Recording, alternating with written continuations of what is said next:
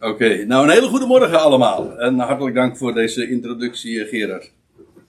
Mooi dat je me even geïntroduceerd hebt en eh, gewaarschuwd hebt voor valse profeten die uitgegaan zijn. Want ja, de hint was duidelijk hoor. Overigens, eh, je hebt ook in ander opzicht een aardig bruggetje al geslagen, want meteen al verwezen naar die woorden die we vinden in Jezaja 9. En dat is inderdaad de schriftplaats waar ik als eerste naartoe wil gaan. Het gaat dus vanmorgen over de vredevorst op Davids troon. En hoe vindt u dat plaatje? De koning der dieren, de leeuw van Juda. Nou ja, eh, er zijn nog wel wat meer eh, associaties en die daar zo vredig ligt. Maar eh wee gebeente als je hem tegenspreekt. en zo zal het straks ook gaan. Eventjes een paar eh, inleidende opmerkingen. Het evangelie, het is ook, ook dat is zojuist al gezegd.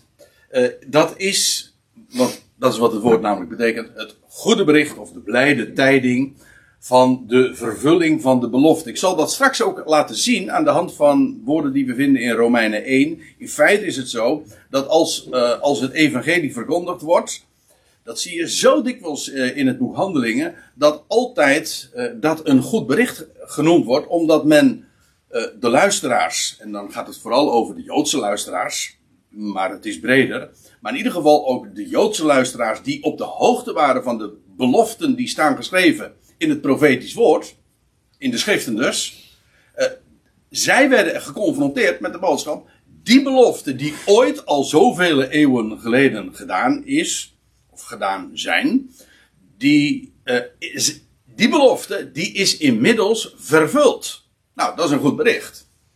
En, en wat is die belofte dan? Nou, daar is heel veel over te zeggen, want die belofte is zeer rijk geschakeerd. Je zou ook kunnen zeggen dat het een, een, een veelheid aan beloften is. En, maar heel centraal staat daarin, in de hele Bijbelse boodschap toch, het feit dat daar ooit iemand zou zijn uit het huis van David of uit de stam van Juda, was het veel eerder al gezegd. De scepter zal van Juda niet wijken. En eh, aan die stam zou dus de, de koningsheerschappij worden toegekend.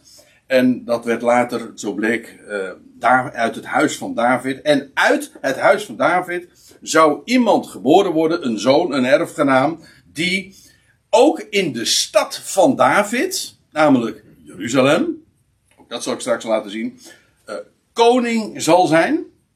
En over het huis van Jacob en alle natieën eh, zal regeren.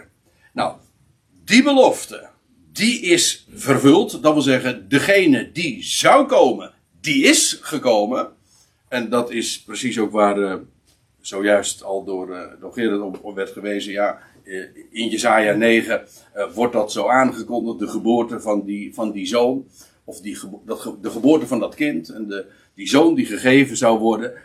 Eh, ja, maar dat wat hij zou gaan doen, dat wacht altijd tot op de dag van vandaag nog op zijn vervulling. Namelijk dat hij zal zitten op de troon van zijn vader David. En ik wil een, eh, in deze studie een vijftal schriftplaatsen de revue laten passeren waarin dat vanuit allerlei facetten eh, wordt belicht. En ik begin dus, zoals gezegd, met Jezaja 9. En ja, die woorden die eh, juist rond deze tijd altijd zo dikwijls klinken, omdat, ja, waarom? Nou, omdat eh, deze tijd, 25, 25 december, geacht wordt de verjaardag te zijn van, eh, van Jezus van Nazareth. Ja, ik, ik doe niet eens moeite om dat nu te gaan weerleggen. Dat is mijn punt trouwens ook helemaal niet. Het enige, ik ga er gewoon vanuit dat we allemaal weten dat dat in ieder geval niet klopt. En hoe mooi overigens de gedachte is ook dat, eh, de, dat eh, juist in deze tijd eh, rond, rond de zonnewende, dat het licht weer krachtiger wordt en dat het leven gaat overwinnen. Dat is een, schitterende beeldspraak, een, geweldige typologie. Dat is wel waar, maar het zegt niets over het tijdstip van Jezus' geboorte.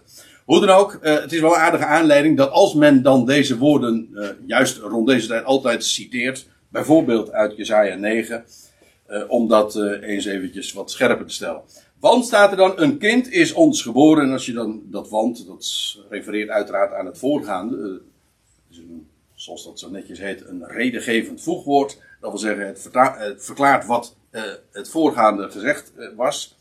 Nou, het is een hele messiaanse profetie. En dan staat er: Een kind is ons geboren, een zoon is ons gegeven. En de heerschappij rust op zijn schouder. En je zou het zo kunnen uh, lezen.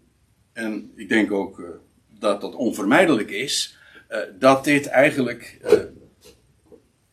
drie grote stappen zijn in de hele geschiedenis van dat kind dat geboren zou worden. Waarvan trouwens en het, het tijdstip, ongeveer in ieder geval van zijn geboorte al was aangegeven. En typologisch sowieso. Maar ook de, de locatie dat hij geboren zou worden. Dat de Messias geboren zou worden in de velden van Efrata. Ook dat was al door de profeten, maar dan uh, hebben we het over Micha, uh, voorzegd. En dat kind, ja, laat ik het zo zeggen. Dat kind werd geboren in Bethlehem. En later, uh, je zou kunnen zeggen dat hij toen ook al de zoon was. Dat was tegen Maria al gezegd, dat dat kind wat uit jou geboren zal worden, dat zal zo, die zal zoon van de Allerhoogste genaamd worden. Uh, waarom? Omdat, uh, omdat God zelf degene is, de Allerhoogste, die, ha, die hem in de maagd Maria verwekt heeft. Volstrekt uniek, vandaar ook de enige geboren zoon van God. Maar daar, komt, daar komt wel wat bij, namelijk dat die zoon die gegeven werd, definitief vond dat plaats in zijn opstanding. En ik heb maar eventjes de teksten erbij genoemd waarin dat zo inderdaad ook gezegd wordt. Dat als er bijvoorbeeld in, in de psalm al staat van mijn zoon ben je, ik heb je heden verwekt, dan blijkt dat heden te slaan op de dag van de opstanding. Ik heb de teksten erbij vermeld, dus als je het wil, uh, wil checken, dan, uh, dan staat dat er gewoon heel expliciet zelfs. En het is ook logisch, want toen werd de zoon wederom verwekt door God. Eerst werd verwekt in de maag Maria en definitief verwekt uit de doden. En dat was die, die, dat heden, die dag van de opstanding. Zodat het kind dat geboren werd, dat verwijst naar uh, het voorjaar. Zeg ik er dan maar eventjes bij. Uh, de lammerentijd, dat het kind geboren werd, het lam gods, in uh, het huis van Israël zijn intrede deed. De zoon werd gegeven, in, definitief, in zijn opstanding. En vervolgens de heerschappij die op zijn schouder rust. Ja, dat is nog weer uh, een hele stap verder, namelijk dat uh, zal plaatsvinden in zijn wederkomst als hij de heerschappij inderdaad op zich zal nemen. Dat is nog steeds toekomstig. En ja, uh, in feite is dat aan de hand van de geschiedenis van David ook heel goed en mooi te illustreren. Want hoe was het ook alweer? David werd gezalfd tot koning. Maar het zou nog een hele tijd duren alvorens hij daadwerkelijk op de troon van David. Ja, nou, nee, op de troon. Op, zijn troon uh, terecht zou komen. En uh, in die tussentijd zou hij nog ja, verworpen worden. En uiteindelijk zou hij dan koning zijn in Jeruzalem. Ja, eerst nog in Hebron, maar goed. Uh, in ieder geval, ik bedoel dit te zeggen: van dat als hier staat: een kind is ons geboren, een zoon is ons gegeven. en de heerschappij rust op zijn schouders. dan gaan we eigenlijk met zeven mijlslaarzen door de geschiedenis van dat kind. Eerst het kind, toen de zoon en daarna de, de koning. En dan staat er nog bij: en men noemt zijn naam wonderbaar, raadsman, held van God of ja, er staat in uh, El Gibor, sterke God, zegt de, vertaling. Eigenlijk is de, de, de, de held van God. Of dus. En vader, eeuwige vader, vader der eeuwigheid. Er zijn verschillende. Het hangt er een beetje vanaf van welke vertaling je hebt. Eigenlijk is het trouwens niet de eeuwigheid, maar de, de vader van de toekomst. Dat wil zeggen, hij, bij hem begint de toekomst. En hij is de oorsprong daarvan, de vader. En hij is ook uh, de vredevorst. Ja. Hé, hey, dat uh, woord is weggevallen, maar het is inderdaad de overste van de vrede. De, de shir uh, shalom. Hè? En dat betekent de, de, de, de vredevorst. Ja. En dat verklaart ook meteen de titel van deze toespraak, namelijk de vredevorst op de troon van David. Ik ga aan deze namen even voorbij, maar in ieder geval, want in feite uh, zei hij zou Jezus heten, Yahweh is redder, maar uh, hij blijkt dus vele namen te hebben. En men noemt zijn naam op al de, ja, op, op uh, onderscheiden, omdat al deze namen iets uitdrukken van wie hij daadwerkelijk is. En dan vers 7. U ziet het, ik heb een, hier een wat eigenwijze vertaling. Eigenwijs bedoel ik. uh, afwijkend of onderscheiden van wat gangbaar is. als ik het heel erg ondeugend maar zeg, dan komt het eigenlijk op neer dat die andere vertalingen eigenwijs zijn. nou ja, nee, eigenwijs is niet het juiste woord. Maar in ieder geval, dit is een aardig voorbeeld. daar staat er ehm, Groot zal de heerschappij zijn. Als u dat trouwens in de commentaren naleest van de, over, de, over wat hier nou letterlijk staat, dan, zul je terugvinden van eigenlijk staat er zoiets als toenemend zal zijn heerschappij zijn. Zodanig toenemend dat het steeds groter dus wordt, steeds meer wordt. Dat is het grondwoord. En, en dat toenemend, ja, dat is uh, eigenlijk een is een geweldige gedachte. Dat wil zeggen, hij vestigt zijn heerschappij, maar hij breidt het ook uit. En uh, nou ja, het gaat hier over de troon van David, zoals we in navolgende zullen zien. Maar het aardige is, dat zien we trouwens ook in de geschiedenis van David zelf. Die ooit begon, zijn heerschappij begon. Eerst in Hebron over de twee stammen, toen vervolgens over de twaalf stammen. En vervolgens uh, breidde hij zijn heerschappij nog aanzienlijk uit. En Trouwens, de zoon, zijn zoon, de zoon van David, en dat zeg ik expres nu even dubbelzinnig, die breidde het nog weer veel uh, sterker, grootser uit. Zodat hij uh, regeerde van de rivier tot de rivier. En, uh, en dat is precies ook wat met de zoon van David zal gebeuren. De echte, definitieve zoon. hij zal zijn heerschappij uitbreiden vanaf. Ja, ik moet altijd denken aan dat lied ik weet, dat, ik weet toevallig zelfs het nummer 181 uit de opwekkingsbundel. En, nou, nou zeg ik, ik weet het, maar nou, nou, Vanaf de troon. Ja, oh ja, zo gaat, het, zo gaat het. Vanaf zijn troon. Ik denk dat de meeste, de, de, gang, de, de meeste lezers, of de meeste, die, de meeste mensen die dat lied zingen en die woorden in de mond nemen, geen idee hebben van wat ze zingen.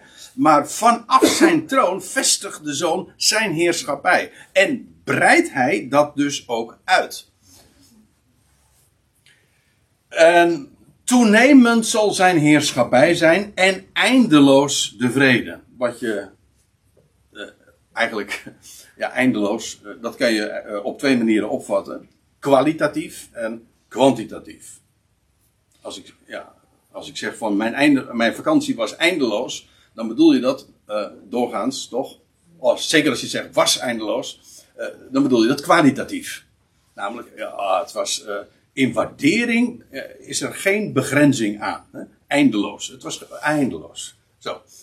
Uh, in, dan is het kwalitatief, maar het is ook kwantitatief. En dan kun je het trouwens ook weer uh, in tweeën splitsen. Namelijk uh, in ruimte en in tijd. eindeloos zal de vrede zijn. Dat wil zeggen, in ruimte, dat wil zeggen zonder begrenzing. Hij zal vrede vestigen. En die zal eindeloos zijn. Geweldig, zo uh, groots. Maar ook eindeloos in de zin van zonder begrenzing. Het is niet zo dat dat beperkt zal zijn tot de landsgrenzen van Israël. Nee, zonder grenzen wereldwijd. Dat is dan de gedachte. Grenzeloos. Maar ook trouwens in tijd. Dat wil zeggen, het, uh, er komt geen einde aan. Het is eindeloos of onophoudelijk. Dus ja, uh, het is maar hoe je het hebben wil als er staat eindeloos de vrede, dan, uh, ja, dan, dan uh, roept dat ook eindeloze gedachten zeg maar, uh, op. Dat wil zeggen, je kan alle kanten uit. En de aardigheid is, welke kant je ook uitgaat, het is allemaal waar. Kwalitatief, kwantitatief, in ruimte, in tijd. Zo zal de vrede zijn die hij gaat aanbrengen. Wij kennen die vredevorst inmiddels. Maar die vredevorst, ja, die, de heerschappij komt op zijn schouders. Er komt een, een dag dat hij, hoe, hoe, staat het? Dat is trouwens ook Psalm 2, dat, dat God tegen hem zegt, uh, uh, vraag van mij en ik zal je de heerschappij geven.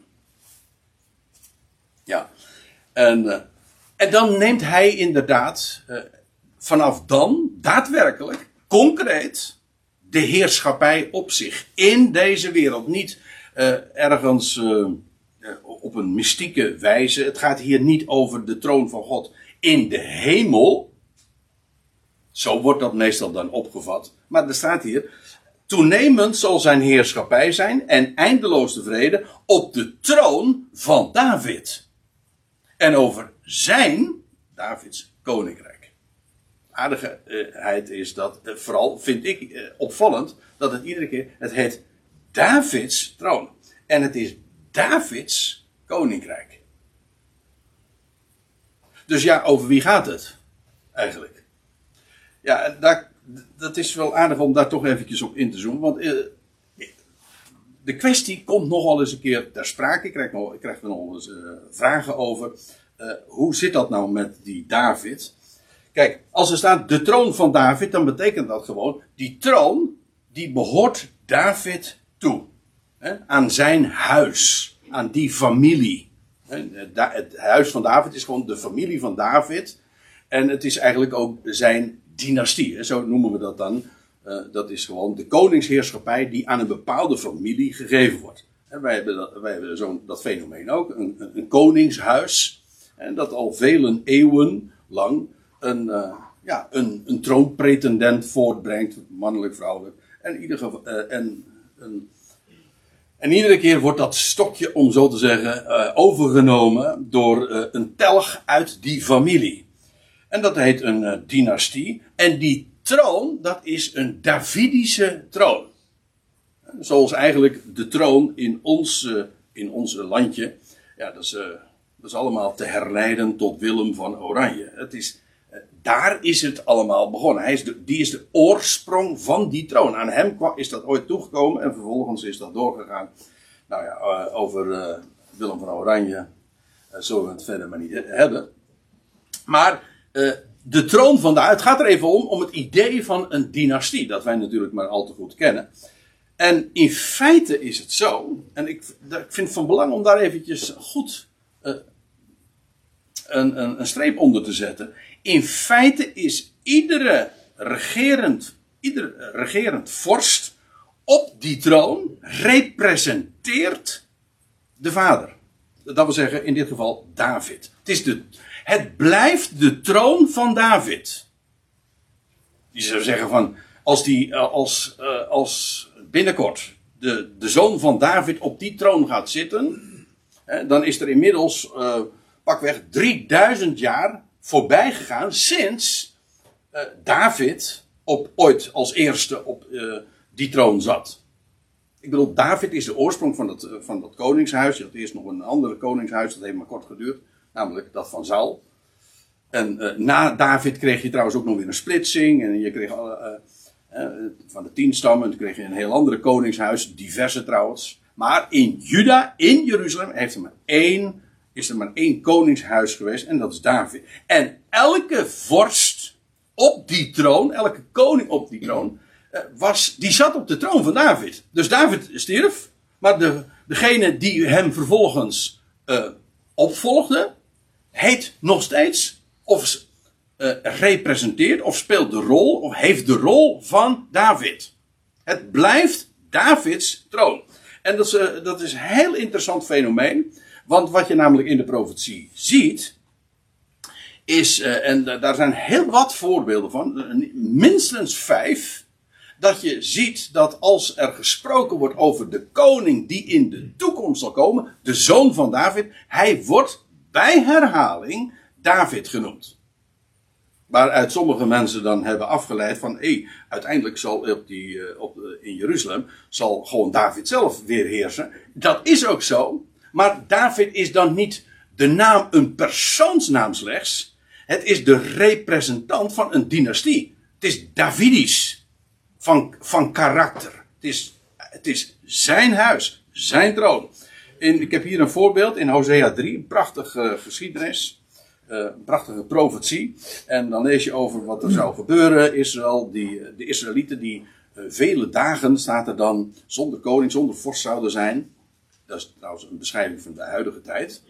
En dan staat er eh, dan vervolgens in vers 5. Daarna zullen de Israëlieten zich bekeren. Omkeren. En Yahweh, hun God, zoeken. En David, hun koning. Hoe zeg je? Hoezo? Waarom zouden ze David zoeken? Hun koning. Wel, die Davidische koning, die zijn ze al zo lang kwijt. In feite is het zo dat sinds de ballingschap uit eh, de, sinds de terugkeer uit de ballingschap, hebben ze geen koning meer gehad. Uh, David, uh, ja, David, vervolgens zijn daar een, een twintigtal koningen geweest. Die allemaal in Jeruzalem, allemaal uit het huis van David geregeerd hebben. Twintig koningen. En daarna is het over. Is die hele stamboom afgehouden. Afgehouden, sorry. Die beeldspraak zou je moeten kennen. Want dat is namelijk ook Davidisch. Hè? Of, uh, nee, dat is uh, wat Jezaja zegt. Hè? Er zal een reisje, een scheut voortkomen uit de afgehouwen tronk van Isaïe. Isaïe is daar nog in een geslacht uh, terug. De vader namelijk van David. Maar in ieder geval, die stamboom zou afgehouden worden. Maar niettemin, er zou weer nieuwe hoop komen. Een nieuwe scheut in die stamboom. Dat wil zeggen, het zou eigenlijk troosteloos zijn. Vele eeuwen, om niet te zeggen, vele millennia zelfs.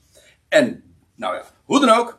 Uiteindelijk komt daar weer een Davidische vorst. Uit die dynastie. In feite, Israël, gewoon als je de twaalf stammen neemt. Die hebben vele dynastieën gekend. Ik bedoel, de tien stammen, die hebben, zoals gezegd, die, die, het huis van Jerobeam, nou ja, noem maar op. Uh, maar allerlei tronen hebben ze gekend, allerlei dynastieën. Maar uiteindelijk, en dat is de profetie, er komt opnieuw weer een vorst uit het huis van David. En hij gaat zitten op de troon van David. En omdat het de troon van David is, is degene. Ja, wie zit er op de troon van David? Nou, de vraag stellen is haar beantwoorden. Het is de troon van David, dus wie zit er op David? Ongeacht of dat nou hij zelf is ooit de eerste, of een van zijn nakomelingen, zijn nazaten, dan nog vervult hij de rol van David. Dat is het punt. Het is Davidisch van aard. En hoe dan ook, uh, er komt een moment dat Israël, de Israëlieten zich zullen bekeren en Yahweh hun God zullen zoeken en David hun koning en bevende komen tot God en tot zijn heil. Shua staat er trouwens. Heil. Yeshua. In de dagen van de toekomst. Zo profeteert Hosea. Dus één rechtmatige troon in Jeruzalem en dat is die van David. En ja, dat wordt heel wat keren in de profetie genoemd. En ik heb alle voorkomens hier vermeld. Vijf stuks is het, klopt dat? Ja, vijf keer. En daar, daar wordt inderdaad die, die telg genoemd, David. Waarna natuurlijk nog een andere vraag te stellen is. Ik ga er nu niet te diep op in. Maar er zullen straks ook weer vele andere vorsten zijn er is een koning, maar er zijn ook vele vorsten in, in Israël. Dat is misschien een beetje lastig um, op te vatten, maar je hebt aan de ene kant het woordje koning en je hebt ook het woord vorst. Een, een, een vorst. Nee, een koning is een vorst, maar een vorst hoeft niet altijd een koning te zijn. En ik bedoel dit. Een vorst is eigenlijk een vooraanstaand iemand. Een, iemand die voor staat. Een ja, uh, dat is de first, ja. Uh, het idee is, er komen straks vele. Laat ik het anders zeggen.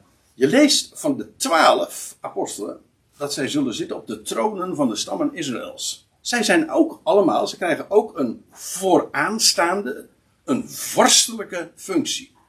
Eerlijk gezegd, ik denk ook dat de figuur van David straks, de, en nu heb ik het over zijn persoon, ook zo'n vorst zal zijn. Maar de, de zoon van David, hij is de koning. Nou, misschien dat ik daar bij een andere gelegenheid nog eens een keertje op inga. uh, wat dieper op inga. Maar uh, in ieder geval, die troon van David, daar, uh, laten we daar nog eventjes op inzoomen. Dat is dus de Davidische troon. En dan gaan we weer even terug naar Jezaja 9, want er staat, ehm, hoe is het nou?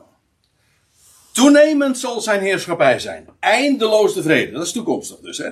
Op de troon van David en over zijn koninkrijk. Om haar, die troon, te vestigen en te ondersteunen in recht en rechtspleging. Dat wil zeggen, die troon zal eh, gekenmerkt worden, gebouwd zijn op en gekenmerkt worden door eh, recht en rechtspleging. Daar kan ik nou, nou zo naar verlangen, naar zo'n naar zo'n vorstenhuis. Dat is, dit is trouwens ook, dat zal geen democratie zijn. Het is daar inderdaad een absolute monarchie, maar zo rechtvaardig. Want sommige mensen die denken dat als iets nou maar democratisch is, dan is het goed. Maar daar geloof ik helemaal geen bal van. En trouwens, ik zie om me heen dat het ook niet waar is. Uh, de meerderheid, alsof de meerderheid altijd maar het goede doet. De Bijbel zegt, gij zult de meerderheid in het kwade niet volgen. Je zou zelfs het zo kunnen lezen van als, als het de meerderheid is, dan is het kwaad. Ja. Nou, dat klopt aardig trouwens hoor, als je zo omheen kijkt. Hè? Ja. Maar in ieder geval, uh, dat, zal, dat zal die toekomstige heerschappij, de leiding dan, zal niet democratisch zijn, maar rechtvaardig. En trouwens ook in vrijheid. Maar dat is alles. Uh, dat uh, heeft alles met elkaar te maken. Want dat is wat ook recht is. Van, en dan staat er nog bij. In recht en rechtspleging van nu aan tot aan de Aion. En ja, want dan gaat het over die toekomende Aion natuurlijk. En dan staat er nog bij de ijver van Yahweh, der legermachten, of van uh, der heerscharen, staat er in de gangbare vertalingen. Maar dat een, een heerschaar, wie weet nog wat een heerschaar is, maar het is gewoon een legermacht. En trouwens, meervoud. Dat is in feite een militaire term. Straks de, uh, de heerschappij die gevestigd zal worden, ja, dat is Yahweh der legermachten, die gaat dit realiseren. De zijn ijver zal dit gaan realiseren en bewerken. Ik vind dat een geweldige gedachte. Al dit. Vers 6. Ja, dat heeft een beetje te maken met de, uh, ja, de, Engel, de, Engels, de Engels en, Duits, uh, en Nederlandse vertaling. Ja. Okay. ja. Ik dacht, het staat er helemaal niet. In de Statenvertaling ook. Ja? Oh. Het is ook vers 6. Oh, oh. nou. Um, dat is wel vaak. Het verschil ook tussen MBG en de Statenvertaling. Ja, ja. Nou ja, die. Uh, ja, het is niet erg. Nee, dat is geen probleem. Hè. Okay. ik, ja, we, we, moeten een beetje uitkijken, want Leni gaat zo die camera omver Ja. ja, ik ben er niet mee eens. Ja. Nou, je weet dat ik er ben. Ja, zo is het. Ja, maar uh, het is toch, uh, mensen, het is toch een geweldige gedachte. Dat aan zich is uh, voor mij, als ik het eventjes voor, persoonlijk mag zeggen, het evangelie. Gewoon, het is, eist niet iets van de mens. Jij moet, het, wordt altijd, het, het, evangelie wordt altijd, ik generaliseer, maar het klopt aardig, uh, ge, wordt ge, gemoraliseerd. het, wordt altijd, het is altijd een boodschap van wat we moeten doen, lief en aardig. En als we dat dan allemaal samen doen. u weet het, je staat allemaal op de borden van als, je, ja. als we het samen doen, dan komen we er wel uit. Nou, weet je, maar het is altijd, het hangt, het hangt altijd dan van de mens af. Nou, het, het evangelie is gewoon, uh, dit is de voorzegging, zo zal het gaan. En, punt. Ja, en eigenlijk, punt. Zo zal het gaan, punt. Uitroepteken. En hoe, hoe weet je dat zo zeker? Wel, God zelf staat daarvoor garant. Hij zegt, mijn ijver zorgt ervoor dat het zo zal gaan. En dan heb je rust. Dan zeggen we, nou, dan kun je zeggen, ja, dat is maar makkelijk, want dan kun je zomaar achterover gaan zitten. Ja, dat bedoel ik. Dat is, daarom is het een evangelie. Je kan gewoon achterover gaan zitten en dan heb je rust en je hebt vrede. Je hebt ook aan een ander wat te vertellen. Dit is licht. Want dit verdrijft de duisternis. En mensen zeggen, ja, dus maar... Altijd wordt dat altijd als een uh, opgevat en uh, uitgelegd. Voor degenen die dit niet snappen, die zeggen van, het, is, het kan niet waar zijn, want het is te makkelijk. En het is juist waar, omdat hij het doet. Daarom is het waar. Anders zou het, nou, als het van ons af zou hangen, dan kun je, dan kun op voorhand eigenlijk al op je buik schrijven. Dat gebeurt het niet. Het, het is zo solide. De ijver van Jahweh, de legermachten, die zal dit doen. Oké, ik heb nog een eh, tweetal. eh, nee, een viertal schriftlaat zelfs. Eh, de volgende, Lucas 1. Dit, nu gaan we even terug naar de geschiedenis. Nou ja, terug naar de geschiedenis. We waren in Jezaja en nu gaan we dus zeven eeuwen verder. En dan komen we ergens in, rond het begin van onze jaartelling aan. En daar verschijnt een boodschapper onder de naam Gabriel. Gibor. Eh, God is, dat is trouwens hetzelfde als eh, dat eh, El Gibor, waar ik het net over had. Gibor, Gabriel. Ga- eh, dat is, heeft te maken met de held van God. In ieder geval, die verschijnt aan Maria, dat, die jonge vrouw. En dan staat er letterlijk vertaald, en let op, zegt, wordt er tegen haar gezegd, tegen Maria. Jij ja, sorry, dit, zo zeggen we dat niet in het ge- gewone Nederlands. Maar zo staat, kijk het maar na, zo staat het wel, eh, dat is wel de Griekse wijze van formulering, of Hebreeuws zo u wilt. Eh, je zult bevrucht worden in de buik. Betekent gewoon, in de gewone vertalingen staat het ook, je zult zwanger worden. Ja. Eh, maar je zult, dat is wat het is. Hè? Je zult bevrucht worden in de buik en een zoon voortbrengen. En je zult hem noemen bij de naam Jezus. Yeshua. Jaweh red. Want, u weet het, de ijver van Jaweh zal het doen. En eh, hij heet ook zo. Hij representeert die God. En dat was trouwens tegen Maria gezegd, maar eh, dat wordt ook tegen, eh, hoe heet die? Jozef gezegd. Nee, ik bedoel Jozef, die werd ook al gezegd, je zult hem die naam geven. En deze zal groot zijn, de zoon van de Allerhoogste genoemd worden. En de Heer God zal aan hem de troon van zijn vader David geven. Dat wordt gezegd. Dus er komt een tijd dat die, dat kind dat geboren zou worden, negen maanden later, dat dat kind daadwerkelijk koning zal zijn, waar wel op de troon van zijn vader David. Dat is tot op de dag van vandaag niet vervuld. En wacht dus nog steeds op zijn vervulling. En als u aan een Jood vraagt waarom hij niet gelooft dat Jezus de Messias is, dan zal hij meestal dit antwoord geven. Nou, eh, de Messias is degene die zal zitten op de troon van, de, van David.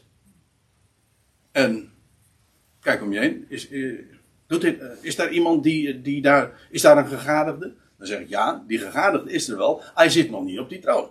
Maar dat wacht nog. Er zijn trouwens prachtige Bijbelse typologieën waarin je dat ook geïllustreerd ziet. Ik moet eh, eventjes denken, even, eh, heel kort, eh, aan die geschiedenis van Joas. Weet je wel, dan is het hele het huis van David is dan uitgeroeid. Want er, het was een hele, eh, echt een crisistijd. En men dacht zelfs dat er geen nakomeling van het huis van David nog was, zelfs in die dagen. Dat, eh, met die koningin Atalia. En, maar wat bleek, er was een ventje, die was, die was ontkomen, Joas. En die was daar in de tempel, eh, was die eh, bewaard, dat kleine kind. En toen hij eenmaal zeven jaar oud was, toen werd hij door zijn oom, ja het is een heel verhaal apart, maar werd hij door zijn oom aangesteld en zei van, dit is de zoon van David. En inderdaad, weliswaar eerst eh, eh, kreeg hij assistentie van zijn oom enzovoort. Maar in ieder geval, hij werd vanaf toen, de zevende, werd hij de, de koning. Werd hij alsnog koning. Dat wil zeggen, het hele huis van David, men dacht dat er niets van over was. En eh, de zoon van David, hij was er wel, alleen hij was verborgen in het huis van God. Nou, ik zou zeggen, eh kleur plaatje zelf ver- verder in. Want waar is nu de zoon van David? Verborgen. Waar dan? Nou, in het huis van God. In het, bij het beddengoed was hij trouwens. Bij de, hoe staat het? Bij de bedden. In rust dus ook nog. Wacht maar, stil maar, wacht maar. Er komt een tijd, precies op de. Als hij zeven jaar oud is, hoe, eh, kun je toch. dat- dat- bedenk je toch niet. Maar in ieder geval, eh, dan zal hij alsnog op de, de troon komen. En dat zal gaan. Zo zal het dus ook met deze eh, gaan. Hij is nu waar, ja, eh, verborgen. En dat is precies ook weer zoals dat was aangekondigd. Dus het klopt allemaal. En hij zal zitten op de troon van zijn vader David. Ik moet erbij zeggen, eh, die troon staat maar op één plaats. En namelijk in de stad van David. En ik, eh, ik heb het eens opgezocht maar, en eh, geteld aan de hand van de concordantie. Het, is- het staat zelfs daar 45 keer. De stad van David. En dat is Sion. Mijn stad. Waar hoort de troon van David te staan? Wel, dus komt één stad in aanmerking. Dat is niet New York, dat is niet Den Haag. eh, of eh, Brussel. Babel. Brussel of Babel. Nee. Nee, dat is Jeruzalem. Daar staat de troon van David. En weet je, dat vind ik nou wel weer aardig. Eh, Joden, die weten dat. Ik bedoel, een, een orthodoxe Jood die weet, ja, de Messias die komt. En dan zal die zitten, de troon van vader David in Jeruzalem. Dat weet hij. Maar welke christen weet dat nog? Of gelooft dat nog? Nee, letterlijk. Deze aarde in de stad Jeruzalem, daar in het Midden-Oosten. Ik moet er één aantekening bij maken. En dat is dat er twee uitzonderingen zijn. Moet ik even voor de volledigheid erbij vermelden. En dat is dat, eh, dat ook Bethlehem de stad van David genoemd. En dat is in Lucas 2, twee keer. Maar dat is ook niet zo, dat is niet zo gek op zich hoor. Waarom? eh, normaal gesproken is de stad van David namelijk de plaats waar hij koning was. Maar waar is David ooit geboren? Waar was hij ooit herder? Wel, in Bethlehem, het broodhuis. Ja. Goed, dat even voor de volledigheid. Eh, er wordt er nog eens trouwens bijgezegd. En de Heer God, wordt tegen Maria dus gezegd, zal hem de troon van eh, zijn vader David geven.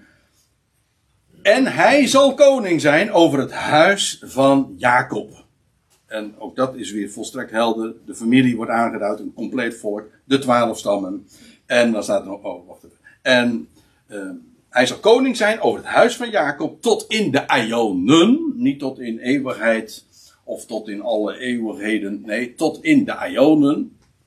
Dat wil zeggen, de toekomende Ion. Maar ook daarna nog. Dan zal hij koning zijn. En aan zijn koninkrijk zal geen einde zijn. Nee, je leest wel dat hij het koninkrijk uiteindelijk zal overdragen aan zijn God en Vader. Maar dat is wat anders. Hij zal afstand doen van de troon. Maar zijn koninkrijk, daar zal geen einde aan zijn. Het zal namelijk worden teruggegeven aan God de Vader. Die het hem trouwens ooit heeft toevertrouwd. De derde schriftplaats, Romeinen 1. En ik ga even snel door het begin heen, maar ik moet het even om de zin compleet te maken, moet ik het toch er even bij vermelden. Paulus begint hem, de brief. Ja, eh, Gerard heeft eh, alweer een tijdje terug hier al over gesproken op deze locatie ongeveer, denk ik. Maar, dus ik hoef er niet al te veel over te zeggen, maar Paulus introduceert zichzelf altijd.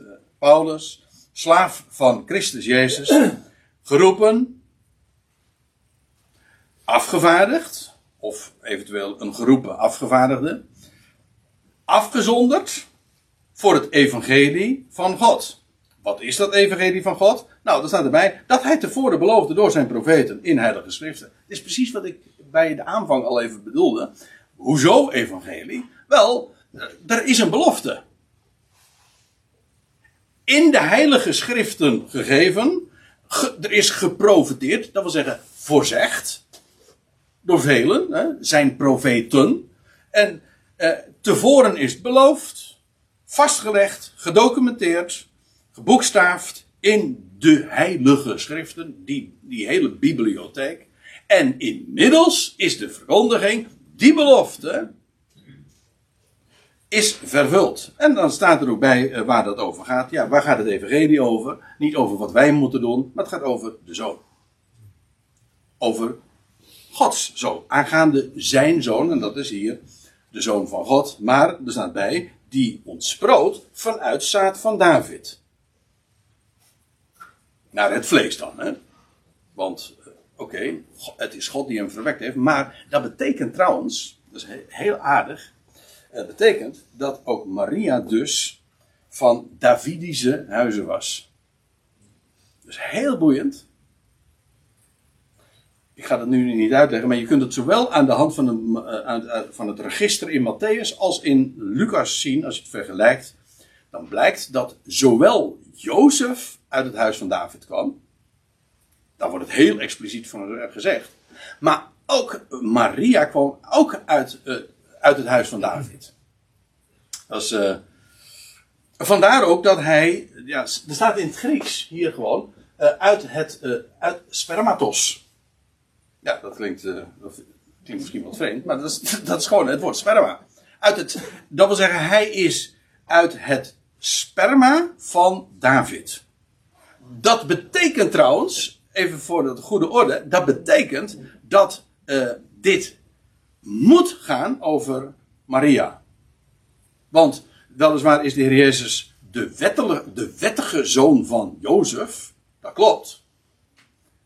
Maar eh, als, als dit alleen over Jozef zou gaan, dan is de Heer Jezus niet uit het sperma van David. Nee, dat kan alleen via de eh, lijn van Maria zijn. Maria is inderdaad uit het zaad van David. En, vanda- en uit, haar, uit haar kwam voort, ja, de Heer Jezus Christus. En dat betekent dus dat ook Maria uit eh, diezelfde, uit die lijn via een andere, via andere tak in de familie, zeg maar. Is allemaal te traceren, want de registers die beschrijven dat. En daarom woonden ze. Ja, dat een heel boeiend verhaal. Eh, maar eh, daar, zij woonden ook eh, in Nazareth. En Nazareth, dat was een stadje. Nazer. En dat weet u wat dat betekent? betekent spruit. En hoe zo spruit? Wel, het was een plaatsje waar, al, waar het een heel klein, piepklein plaatsje hoor. Het waar, daar woonden allemaal eh, nakomelingen van het huis van David. En eh, Jozef en Maria woonden daar beide. Ze, kwamen, ze waren allebei uit de familie van David. Waar, nou heb ik nog niet verklaard waarom dat spruit heet. Maar ik had het al even over Jezaja. Die, eh, over die stamboom. Hè, weet je, over die, die, die afgehouwen tronk van Isaïe. Ja, maar daar zou een spruit voortkomen. Netzer. Netzer. Netzer. Er zou een spruit voortkomen uit, het, eh, uit de afgehouwen tronk van Isaïe. En eh, er zijn, ja, om een lang verhaal kort te maken, eh, er is een, dat deel wat overgebleven van de familie, is zich gaan vestigen in Nazareth. En ze hebben die stad ook inderdaad om die reden zo genoemd, omdat daar de profetie in lag. Als u zegt van, ik vind het een vergezocht verhaal, dan moet u eens kijken aan het, het einde van Matthäus 1. Want dan lees je, zij vestigden zich in Nazareth, want staat er, het was geschreven in de profeten, dat hij een, eh, dat hij een Nazarener zou zijn. Hoezo? En als je dan kijkt van, waar, staat dat dan? Nee, eh, maar de, de, de plaatsnaam wordt niet genoemd, maar er wordt wel gezegd, hij zou een Netzer zijn. Nat, Natzer, dat wil zeggen, uit het huis, eh, die spruit uit het huis van David. Terwijl ik het nu zeg, denk ik van, waarom heb je dat nou verteld, André? Want ik, ik roep nu waarschijnlijk meer vragen op dan dat ik eh, beantwoord. Maar ik hoop wel u even getriggerd te hebben met deze kwestie. Want eh, dit, dit is een heel boeiend gegeven. Ik heb, eh, ik heb, op mijn website heb ik hier ook wel wat meer de, veel uitgebreider ben ik erop ingegaan. Maar ik geef toe, het is misschien wat een uitgebreid verhaal. Maar onthoud dit. Nazareth heeft te maken met Nazar. En dat is die spruit uit het boek Jezaja. Oké. In ieder geval, hij komt naar het vlees uit het huis van David. Uh, ja, uit het zaad van David. Maar hij werd, de, die bepaald werd zoon van God te zijn in kracht. Uh, naar geest van heiligheid vanuit opstanding van doden. Jezus Christus, onze Heer. Uh, betekent, hij, naar het vlees is hij uh, weliswaar uit het zaad van David, maar naar de geest uit het huis van God, of, pardon, uh, is die zoon van God, verwekt door God, in dubbele zin, namelijk, zoals gezegd, verwekt uit Maria, maar ook verwekt uit de doden. En uh, trouwens, hij heeft dat ook bewezen door doden te doen opstaan. Nou, dan laat ik het even bij. Dan gaan we naar de vierde schriftplaats. 2 Timotheus 2. Dan zijn we in, um, inmiddels beland in het geestelijk testament van Paulus. Dat wil zeggen, de laatste brief die hij geschreven heeft vlak voor zijn verscheiden, vlak voor zijn overlijden. eh, Nou, vlak voor zijn executie moet ik zeggen.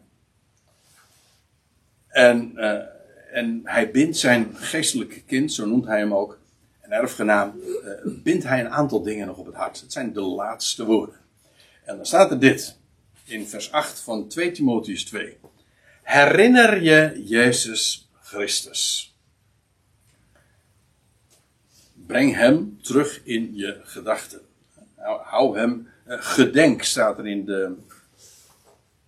Maar dat is wat de herinner is. Gedenk Jezus Christus. En dan staat erbij. En hier heb je precies die twee punten waar ik het al eigenlijk de hele tijd nu over heb. Namelijk, Jezus Christus, opgewekt vanuit doden. En vanuit zaad van David. En dan zegt Paulus nog bij, naar mijn evangelie. Dus het evangelie dat ook Paulus verkondigde, dat gaat over hem die opgewekt werd uit doden. Dus terwijl de doden allemaal achterbleven, is hij daaruit opgewekt. Dat is wat de term betekent. De eersteling.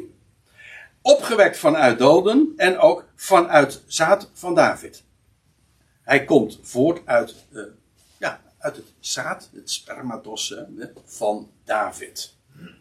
En dat betekent, hij is de, de erfgenaam. Hij komt uit die Davidische dynastie. En dat is ook bij Paulus het hele verhaal. Als wij zeggen dat wij eh, geloven, we prediken Jezus Christus, dan hebben we het over Yeshua, Jawel is redder, die de Christus, de Mashiach is. Hoezo? Wel, hij is door God opgewekt. En wie is hij dan wel? Wel, hij is de zoon van David. Uit het huis van David. En beantwoordt exact aan het profiel eh, wat de profeten al van hem had- hebben geschetst. Dat, daarvan zegt Paulus, dat is naar mijn evangelie. En dat die zoon van David momenteel, die opgewekte zoon van David, momenteel verborgen is. En de heerschappij niet uitoefent. Ook dat is in overeenstemming. Dat hij vandaag eigenlijk de priester is in het heiligdom. Ja, dat is waar. Maar ook dat is in overeenstemming met de profetie. En Paulus zegt, naar mijn evangelie. Waar, waarvan Paulus zegt, waarin ik kwaad leid en zelfs boeien draag als een misdadiger. Maar zegt hij erbij, het woord van God is niet geboeid. Wel boeiend trouwens, hm? maar niet geboeid. Hij zegt, ik ben, ik ben geboeid. Dan weet je ook meteen dat die zoon van David nog niet heerschappij heeft. Want als die heerschappij op zijn schouder is, dan, is, eh, dan zijn daar dus geen mensen meer die, eh, die geboeid zijn gevangen zijn, onvrij zijn, eh, die uitkomen voor hem. Dat is logisch. Maar wij leven in die tussentijd, dat de zoon van David geworpen is. Het woord van God is niet geboeid. Dus en dat vind ik het geweldige. Mensen kunnen van alles opleggen. En allerlei, ja, het is leuk om, om dat, eh, daaraan te denken. Allerlei beperkingen eh, opleggen. En zeggen, eh, dat mag niet, je mag niet bij elkaar komen. Je, je, je- moet je mond houden, anders, anders bannen we jou van, van ons forum of van ons kanaal. Weet ik veel hoe dat leden mag. Ja, eh, dat kunnen ze allemaal doen. En ze kunnen, en ze kunnen je in de gevangenis eh, gooien. Kan ook. Maar eh, ja, het woord van God is niet geboeid. Dat gaat toch echt wel door hoor. En dat is een, een geweldige gedachte. Dat woord doet altijd zijn werk. Linksom, rechtsom, het woord van God is niet geboeid. Dat, ook dat vind ik een fikse troost. Dit is trouwens ook geen oproep. Ook geen morele boodschap van laten we ervoor zorgen dat het woord van God niet geboeid is. Nee, het woord van God is niet geboeid, punt. Daarom, eh, daarom, daarom vind ik het ook zo heerlijk om het gewoon door te geven. Om het te vertellen, want dit woord doet altijd zijn werk. Oké, de laatste schriftplaats, nummer 5. Dan hebben we een handvol. En nou zijn we ja, ergens halverwege in het boek Handelingen. Ergens eh, in het jaar 49, 50 van onze jaartelling. Dus een apostelvergadering. Daar gaat, eh, het gaat vooral over de kwestie Paulus. Hoe, hoe dat nou zit met het evangelie dat naar de natieën is gegaan. En dan lees je dat er al eh, heel wat mensen het woord hebben gevoerd. Paulus zelf. Maar ook Barnabas en ook, eh, Simeon Petrus. En dan staat er in vers 13 dit. Nadat zij echter zwegen, eh, zij, dat zijn de, de voorgaande sprekers, die eh, hadden hun woord gedaan. Nadat zij echter zwegen, antwoordde Jacob, Jacobus, Jacob, dat is trouwens de broer van de Heer. In feite hield hij, was hij ook degene die in Jeruzalem de leiding eh, had. Dat is eigenlijk ook heel logisch, want ja, als je, zijn broer was afwezig. Ik bedoel, die was daar in de slaapkamer, in bij het beddengoed. In, u begrijpt wat ik bedoel. En, en, en ja, wie zou nou daar in Jeruzalem de leiding waarnemen? Nou, gewoon de, zijn oudste broer. Lijfelijk, vleeselijk, Jacobus. Jacobus. Dat is de, dezelfde die trouwens ook ooit de brief heeft geschreven aan de twaalf stammen. Nadat zij echter zwegen, antwoordde Jacobus zeggende: Mannenbroeders, hoort mij. Simeon, en het gaat hier over Simeon Petrus. Dat is, dat zeg ik zonder toelichting, maar zo heet Petrus ook. Simeon Petrus uh, ontvouwde hoe God eerst omzag om vanuit de natie een volk voor zijn naam te nemen. Eigenlijk is Paulus, de, pardon, Petrus is de eerste geweest die naar de natie ging. Dat wil zeggen, de deur opengezet heeft. Uh, Cornelius. Dat wordt ook in handelingen 15 her, uh, verhaald. Maar, en dan zegt Jacob, ja, God, God heeft in de eerste plaats gaat hij vanuit de natie een volk voor zijn naam aannemen. Ik vind het heel bijzonder dat juist Jacob, dit, Jacobus dit zo zegt. En dat zelfs Petrus hier het initiatief toegegeven heeft. En God, hoe God eerst omzag om vanuit de natie een volk voor zijn naam aan te nemen, dat is wat in de tegenwoordige tijd uh, tot op de dag van vandaag plaatsvindt. En dan staat erbij, in vers 15, en dan gaat Jacobus vervolgt dan, en hiermee stemmen overeen de woorden van de profeten, zoals staat geschreven. En nou haalt hij één van de profeten aan, en dat is in Amos uh, 9-11, ja. en verder, makkelijk onthouden, is het eenmaal zo formuleerd. Uh, in Amos 9 vanaf vers 11, nou, nou volgt het citaat, en dan zegt hij, daarna zal ik wederkeren en weer opbouwen de vervallen tent van David. Hey. Dus het idee is, als je trouwens nakijkt in, um, in Amos 9-11, dan staat daar, dat woordje daarna staat er niet. Nee, dat Jacobus die zegt dat van, kijk, wat in Jacobus, uh, uh, wat in Amos geschreven staat, dat zal daarna zijn. Eerst verzamelt God zich uit de natieën een volk voor zijn naam een onderbreking, een break, een pauze in Gods weg, ja. En hoe zit het dan met, al, met die profetieën over het huis van David en over, over de heerschappij die in Jeruzalem zal worden uitgeoefend? Wel staat, zegt Jacobus, dit komt helemaal overeen met de profeten, want daarna uh, zal ik, zal ik, zal de Heer wederkeren. Dus eerst een volk uit de natie, daarna de wederkomst. De Heer zal wederkeren en weer opbouwen de vervallen tent van David. Met andere woorden, wanneer gaat het huis van David, dat inmiddels een vervallen tent is, hè, die hele eh, die, die troon is vakant, leeg, staat leeg, al pakweg 25 eeuwen.